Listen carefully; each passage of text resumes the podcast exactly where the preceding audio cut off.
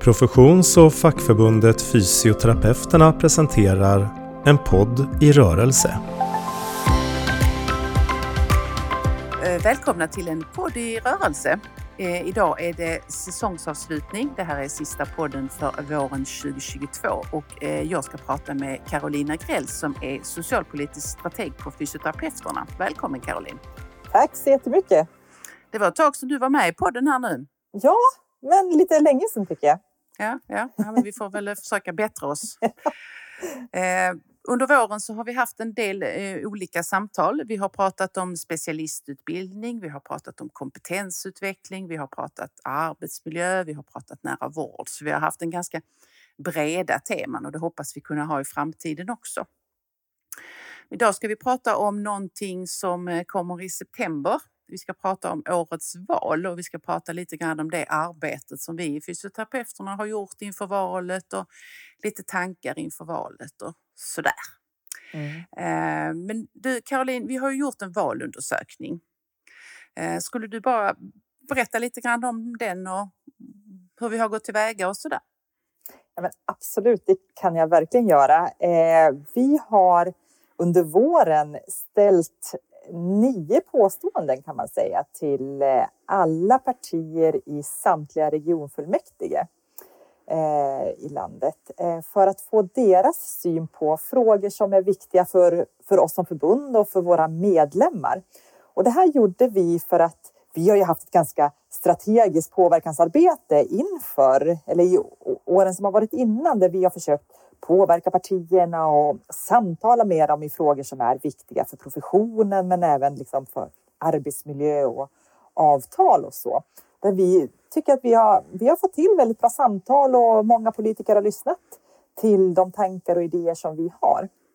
Så då sa vi det att nej men nu, nu vill vi veta vad de tycker i, ett visst antal frågor som vi kan ha med oss både inför valet såklart men också efter valet. Mm. Eh, för att kunna följa upp och framförallt för våra, för våra eh, medlemmar och förtroendevalda som, som finns ute i regioner och kommuner. Eh, ge dem ett bra underlag att arbeta utifrån helt enkelt. Så det är själva bakgrunden till varför förbundet eh, sa, eller förbundsstyrelsen sa att man ville göra på det här sättet helt enkelt. Mm. Mm. Ja, nej, men det, det, det är ju viktigt. Eh, Vi har ju sett att eh, hälso och sjukvården är de frågorna som, eh, som toppar för partierna. Eh, och vi ser på Sacos undersökning där man har tittat på bland akademikergrupperna att det är en av de viktigare frågorna inför valet. Och det är väl också lite grann den, eh, de signalerna vi får när vi tittar på undersökningen. För undersökningen som sådan är ju skickad till de regionala eh, partierna, så Mm. företrädare för regionala partier. Vilket är, ganska, vilket är brett, för när vi ser underlaget så är det ju bredare än riksdagspolit, riksdagspartierna. För det finns ju regioner som har andra partier också. Så att säga. Precis. Och visst var det väl så att det var många som svarade? Ja, men vi hade ju en svarsfrekvens på 86 procent, vilket är otroligt bra. Eh, så totalt så är det ju 144 svar som har kommit in, Mm. eh, vilket ger väldigt bra bild för hur man tänker kring de här frågorna ute i regioner. Eh, så det är ju superspännande när man dyker ner i, i svaren. Och det är ju som du säger att det har ju pratats mycket om det här. Ska hälso och sjukvården verkligen bli en viktig fråga i valet i den turbulens som vi faktiskt befinner oss i idag med kriget i Ukraina och brottslighet och, och de frågorna som, som det debatteras väldigt mycket om i, i Sverige. Men, men det är ju också som du säger att undersökning på undersökning visar att även om, om de här frågorna om försvar och säkerhet och brottslighet har ökat en del i de här undersökningarna så, så är det faktiskt så att hälso och sjukvårdsfrågorna fortfarande är den fråga som är viktigast för, eh, för väljare eh, inför valet. Mm. Mm. Eh, och det är ju otroligt roligt men och viktigt. Mm. Och där, där hoppas man ju att, att politikerna också följer med i det Eh, och, och eh, försöker hitta de här svaren på, på frågorna som, som allmänheten har. Mm. Mm. När man eh, tittar på resultaten från den här undersökningen så eh, det är ju det känns ju som att vi skulle kunna påverka eh, lite mer förutsättningarna för vår verksamhet om man lyssnar på regionpolitikerna. Eh, till exempel så är det nästan, den, nästan, nästan alla, ska jag säga, men en väldigt stor majoritet tycker att det finns en brist på fysioterapeuter inom just den regionen där de verkar. Mm. Och då gäller det såklart både den regionala hälso och sjukvården och den kommunala hälso och sjukvården. Mm. Och det här är ju siffror som, som vi ser även i till exempel det nationella planeringsstödet från Socialstyrelsen där majoriteten av kommuner och regioner rapporterar att det finns en brist på fysioterapeuter. Det behövs helt enkelt fler för att kunna leverera det uppdraget som man har när det gäller hälso och sjukvård men också när det gäller förebyggande och hälsofrämjande åtgärder. Mm. Ja, men precis, det är ju faktiskt eh, hela 63 procent som instämmer helt i det påståendet att, att det behövs fler fysioterapeuter. Ehm, för att man ska kunna, kunna mäta de här uppdragen som man har. Och när man tittar på svaren så refererar man ju oftast till den här omställningen som vi står i nu i, med nära vård och mm. att det finns ett större fokus på förebyggande insatser men även på rehabilitering. Eh, och, och man, man drar också eh, paralleller till till pandemin som har varit och att man ser att det finns ett uppdämt både vårdbehov men också rehabiliteringsbehov. Eh, och, och i kölvattnet av det så är det många regionföreträdare som säger att vi, vi behöver redan idag fler fysioterapeuter men vi, kom, vi ser i framtiden att vi kommer behöva ännu fler för att kunna arbeta än mer eh, förebyggande eh, så, att, så att vi slipper bli sjuka. Mm. Eh, och det är ganska intressant tycker jag. Eh, man säger ju ofta att politiker inte vågar satsa förebyggande för att mandatperioderna är fyra år och man mm. ser oftast inte de här snabba resultaten på just förebyggande insatser. Men om man tittar på våran enkät så finns i alla fall viljan att göra det. Sen om man kommer så långt så att man faktiskt satsar, eh, det vet vi ju inte. Men vi har ett bra underlag som visar på att de vill göra det och då kan vi följa upp utifrån mm. det helt enkelt. Mm. Ja, men det är sant. Jag tänker att jag ska blanda och ge lite här nu för resultaten från valundersökningen har vi ju sedan tagit med oss i en, i en annan grej som vi har gjort. Mm. Där vi har haft, eh, spelat in ett samtal med eh, hälso och sjukvårdspolitiska talespersonerna i respektive riksdagsparti. Eh, och även här så då lyfter vi ju resultaten från valundersökningen och diskuterar det. Och flera av dem har ju också i de samtalen lyft eh, behovet av en ökad eh, rehabilitering, att vi mm. behöver ett ökad fokus på rehabilitering och ett annat samtal om rehabilitering för att alltså, precis som du säger så det är ju inget, det är inget nytt problem. Vi har sett det länge. Pandemin har ju, hjälper oss, har ju hjälpt oss att sätta belysning på sprickorna i våra system. Mm. Och detta är en av sprickorna som vi ser. Och här är det också många eh, patientorganisationer som har sett liknande resultat, som presenterar liknande resultat mm. som vi gör. Eh, så det har ju varit tycker jag varit bra samtal med de politiska företrädarna just kring rehabilitering och hur kan vi ändra så att det får en ökad tyngd i det ja. samtalet som förs kring hälso och sjukvård. Och där kan vi hoppas att de nationella riktlinjerna som ska komma kring habilitering, rehabilitering och hjälpmedel kan vara ett verktyg i det arbetet för att ytterligare sätta belysning eller sätta fokus på de här frågorna. Ja, men precis. Och det är ju väldigt roligt att, att de här riktlinjerna kommer. För att ofta så är det ju väldigt lätt för politiker att tycka att saker och ting är viktiga. Det behövs mer satsningar och framförallt för de, från de partier som, som befinner sig i opposition. Mm. Eh, men här är ju faktiskt ett, ett tydligt exempel på, på där man har eller där man försöker att flytta fram positionerna i alla fall för de här frågorna eh, på ett tydligt sätt. Mm. Eh, för att skapa de här gemensamma riktlinjerna för att det ska bli mer likvärdigt och jämlik eh, rehabilitering och habilitering över landet. Så, så det känns mm. jätteroligt. Men där mm. gäller det också att följa upp, hålla i eh, och, och se så hur resultaten ser ut. För det finns ju inget system som är perfekt från början. Nej, det är mm. sant. Det är sant. Jag tänker hänga på lite grann kring det här med jämlikhet också, för det är, det är en annan fråga som vi diskuterat när det gäller statligt reglerad specialistutbildning för fysioterapeuter. Som det ser ut idag så är det ju en, eh, en jag ska inte säga att själva specialistordningen eh, sköts av fysioterapeuterna. Där, men där vi anser att den här behöver vara statligt reglerad, likväl som läkarna och sjuksköterskans utbildning är det, just för att vi ska få jämlika förutsättningar för vår kompetensutveckling. Och där man också får jämlika förutsättningar för att för att tillgodose att eh, kompetensen finns inom hälso och sjukvården. För det handlar ju om att hänga med i den framtida hälso och sjukvården. Eh, och där var det ju också så att majoriteten av våra regionala företrädare tyckte att det här var viktigt och gärna skulle se att vi hade en statligt reglerad specialistutbildning just för eh, när det gäller jämlikheten och för att man ska kunna få en eh, eh, liknande förutsättningar oberoende av inom vilket område man arbetar eller var i landet man befinner sig. Mm. Ja, men precis. Och det här är ju egentligen det är ingen fråga som ligger på regionnivå egentligen, utan det här är ju en fråga en, eh, som ligger på nationell nivå för, för mm. staten eh, om, om den ska vara statligt reglerad eller inte. Men anledningen till att vi ställde den är ju för att eh, försöka se om det finns något tryck utifrån regioner och från, från de som verkar där ute att få den statligt reglerad då, och vilka incitament man har för det. Mm. Och då var det ju just många som, precis som du säger, nämnde det att eh, ja, men det ger en ökad tyngd, det ger en eh, större jämlikhet om, om det är så att specialistutbildningen är statligt reglerad. Då vet man vad man får.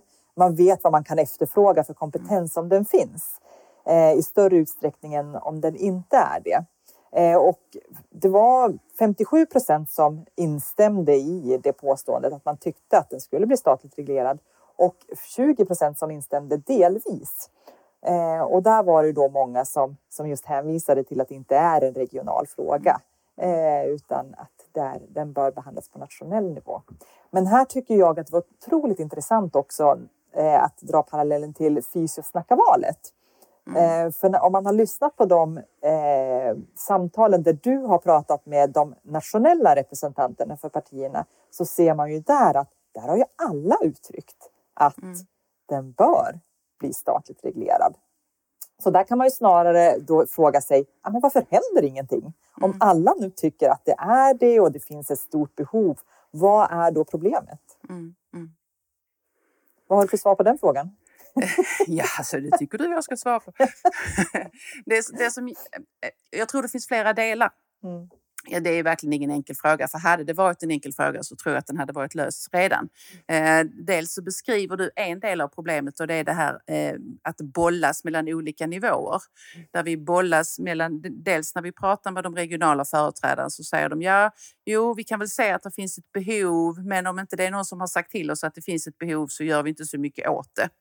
Eh, samtidigt som man då uttrycker att man skulle vilja. Det tycker jag är en del i problemet.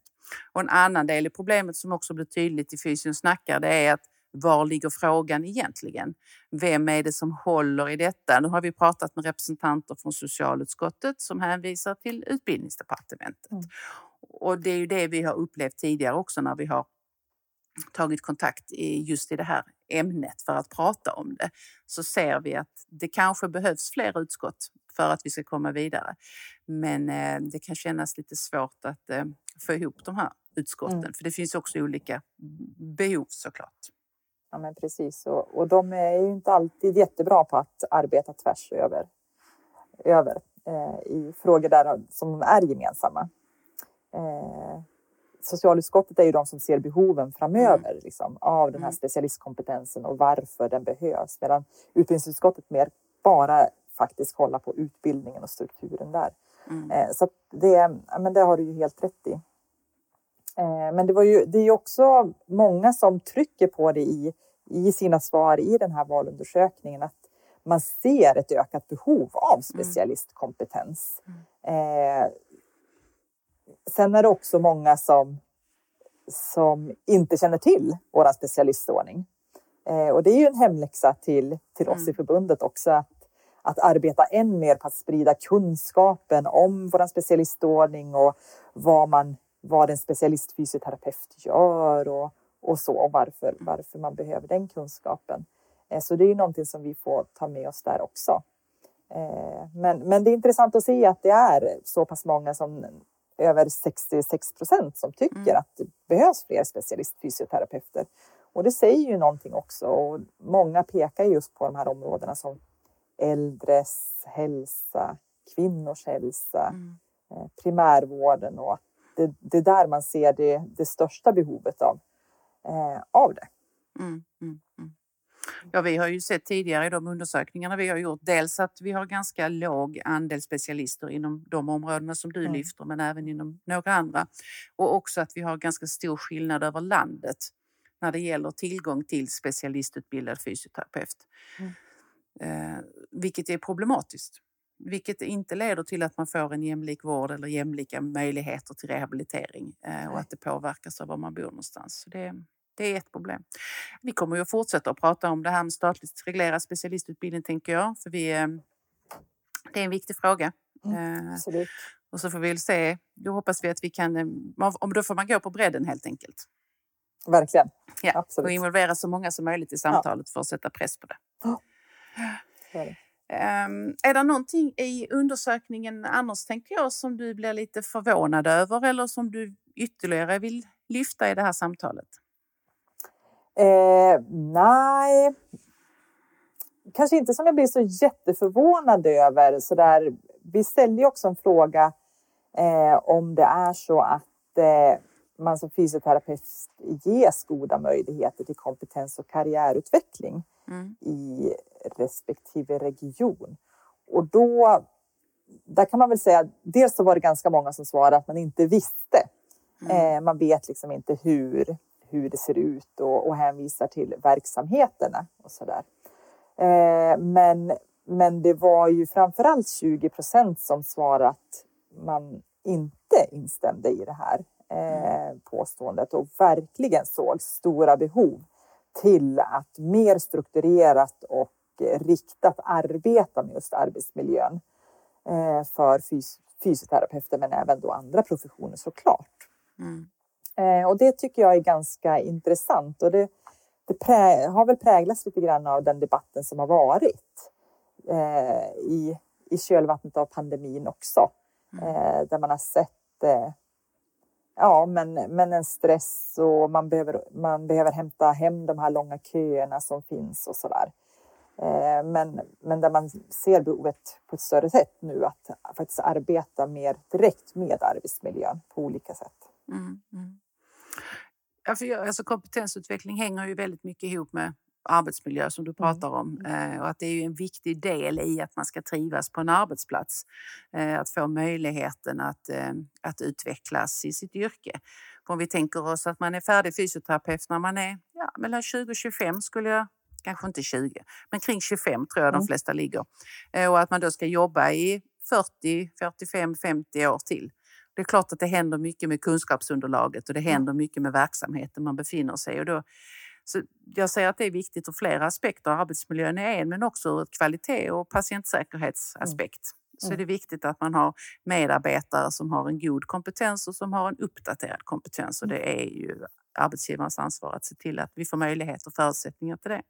Ja, men precis. Jag tänker också med det här utökade uppdraget med mer fokus på förebyggande insatser och så där, och, och det nämns även i en del av svaren i enkäten att man, vi är en profession som möter människan och ser till helheten på ett mm. annat sätt än kanske andra professioner gör. Att, att man behöver ha tid för de här eh, samtalen eh, med, med patienterna för mm. att kunna fånga det.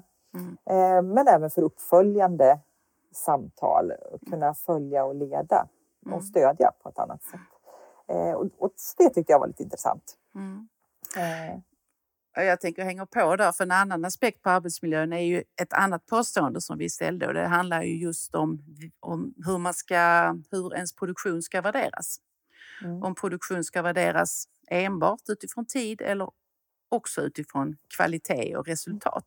Mm. Eh, och där var ju också en, en, en, större grupp som svarade att eh, man måste kunna värdera även utifrån kvalitet. Och vi ser ju det bland, bland med våra kollegor som jobbar inom, till exempel inom primärvården, att det är en stor arbetsbelastning eh, och man har en arbetsmiljö där man, liksom, man hinner inte göra det som man vet är det bästa för att man ska få, man har liksom som ett mål att man ska få igenom så många patienter som möjligt och att det ska gå snabbt. Det ska vara korta, korta besök och få besök för att man liksom ska kunna hålla uppe flödet. vilket leder till en etisk stress, vilket leder till att man har en, en, individuell stress och som gör det svårt just med möjlighet till reflektion eller möjlighet att, att lära sig av sitt arbete. Så det blir jag lite glad när jag, när jag ser att man som politiker har reflekterat över det och att man också tänker sig att ja, men kvalitet är viktigt. Och vi tycker mm. det är jätteviktigt och man måste kunna mäta på mer än, än en aspekt av produktion, tycker jag. Ja, men precis. Och, och, sen, och, sen, kanske man inte kan förvänta sig att det är någon som skulle säga att antalet pinnar är viktigare än kvalitet nej, i, nej, en sån här undersökning. men, men, men det som det ändå visar är ju som du säger att de har reflekterat över det här och, och, och sen så är vi också medvetna om att, eh, att man behöver jämka de här på något sätt. Mm. Båda, båda uppföljningssystemen mm. behövs. Visst. Men, men idag så, så finns det ju väldigt det, det, är väldigt svårt att mäta på kvalitet. Mm. Eh, och det är det ju många som, som nämner här också. Och det vet ju vi med oss från andra uppföljningssystem liksom där vi verkligen saknar, eh, saknar metoder för att visa på, på de insatser som vi gör och som, som fysioterapeuter utför.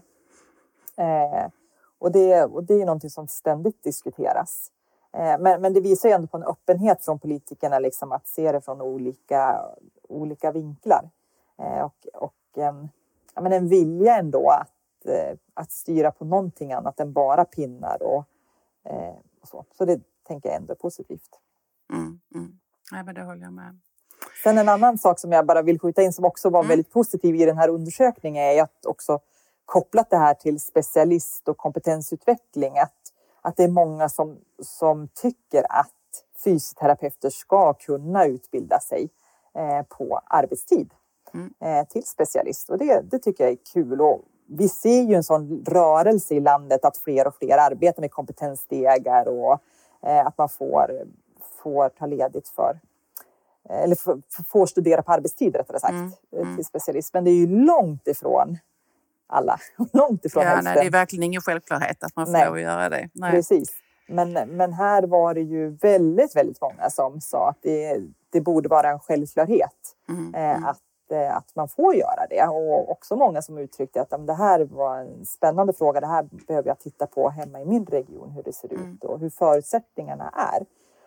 Och framför allt att det inte ska skilja sig mellan olika professioner. Mm. Det, det, var det ju många som underströk att det ska vara en likhet. Ja, för man kan ju prata om jämlikhet ur mer än ett mm. perspektiv, tänker jag. Precis. Mm. Så, så det tyckte jag var väldigt kul. Mm. Att, man ser, att man ser det behovet och värdet. Ja, ja precis. Ja.